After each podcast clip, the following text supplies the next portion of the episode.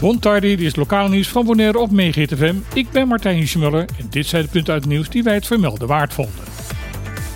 Afvalverwerkersserie Bon, de dienst Landbouw, Veeteelt en Visserij van het OLB en de Stichting Accrediteren uit Nederland gaan gezamenlijk een project uitvoeren voor het lokaal produceren van compostgrond. Dit soort grond is zeer rijk aan voedingsstoffen en daarmee heel belangrijk bij de groei van nieuwe gewassen en bomen.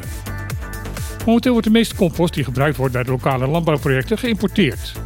Hoge kosten daarvan zorgen er mede voor dat lokaal geproduceerde landbouwproducten relatief duur zijn. Daar willen de drie samenwerkende organisaties iets aan gaan doen. De compostering zal plaatsvinden op het terrein van het LVV. Silibon zal er zorg voor dragen dat er zoveel mogelijk gras, dierenmest, tijdens snoeiafval en ander bruikbaar organisch materiaal ingezameld gaat worden. Stichting Acreterre zorgt hierbij voor de noodzakelijke kennis en ervaring in dit soort projecten. De verwachting is dat een zak Bonaireaanse compost aanzienlijk goedkoper zal zijn dan de geïmporteerde compost. Zo hopen de betrokken partijen te kunnen bijdragen aan een duurzame toekomst voor Bonaire.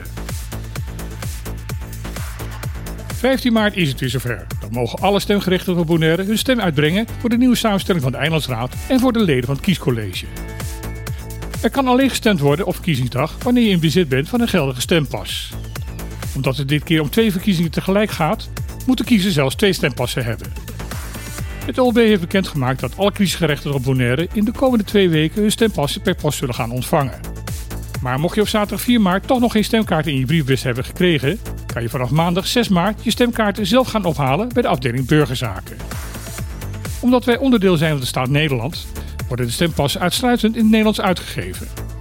Vertalingen van de kaart in het papiermens, Engels en Spaans zijn te vinden op de website bonairestand.nl. Het klonk de afgelopen maanden allemaal erg optimistisch en hoopgevend. De berichten over de heropening van de grenzen tussen de ABC-eilanden en buurland Venezuela. Er werd ook druk onderhandeld met de vertegenwoordigers van de vier betrokken landen hierover. Toen riep de regering Caracas opeens dat het luchtruim tussen de eilanden en het vasteland tot minstens in april vol dicht zou blijven. Een symbolische uitspraak, want het luchtruim is namelijk al vier jaar gesloten. Hiermee leek alleen een spoedige oplossing van het grensprobleem van de baan. Dat blijkt in de praktijk echter mee te vallen. Los van elkaar gaven zowel Curaçao als Aruba aan door te gaan met de gesprekken. Daarbij zou Curaçao willen insteken op een heropening van de zee- en luchtgrenzen op 3 april en Aruba op een opening van het maritieme verkeer op 1 mei. Hoewel binnen het Koninkrijk de staat Nederland verantwoordelijk is voor het buitenlands beleid, hebben de landen Aruba en Curaçao autonome bevoegdheden wat betreft lucht- en scheepvaart. De indruk is nu dat van deze bevoegdheden gebruik gemaakt wordt om zo het bestaande conflict tussen Nederland en Venezuela te omzeilen. De reden voor het bewind in Caracas om in 2019 de grenzen dicht te gooien was namelijk dat Nederland tot op heden weigert om het regime Maduro te erkennen. Door nu Aruba en Curaçao als meer zelfstandige landen naar voren te schuiven, ontstaat er misschien de mogelijkheid voor Venezuela om zonder gezichtsverlies de grenzen te heropenen. Het ministerie van Buitenlandse Zaken in Nederland laat weten dat daarvoor nog wel heel veel werk verzet moet worden. Maar dat er momenteel doorlopend contact is tussen de vier landen. Na bijna een jaar doodse stilte heeft het Nederlands overheidsbedrijf Bonaire Brandstofterminals BV een teken van leven gegeven. Uit het persbericht blijkt dat CEO Jan-Willem van Hoogstraten per 1 februari zijn functie heeft neergelegd. Hij wordt per onmiddellijk opgevolgd door de huidige voorzitter van de Raad van Commissarissen, Walter Wattenberg. Dit is te lezen op de nieuwswebsite Dossier Koninkrijksrelaties. Uit het bericht blijkt ook dat BBT het afgelopen jaar geen enkel concreet plan heeft uitgevoerd. Wel zijn er plannen gemaakt voor het bouwen van nieuwe brandstofopslagtanks voor Bonaire. Het bouwplan zou in april klaar moeten zijn. Deze zouden dan in 2025 in gebruik genomen moeten kunnen worden voor een prijs van ongeveer 20 miljoen dollar.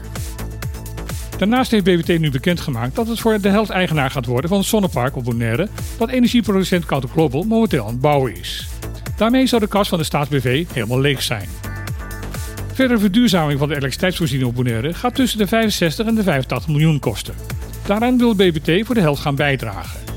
Uit de huidige berichtgeving is niet op te maken op welke manier BBT dit denkt te gaan financieren. Dit was het lokale nieuws op Megahit. Ik wens iedereen nog een hele mooie laatste carnavalsdag. En dan graag weer, met of zonder kater. Tot morgen.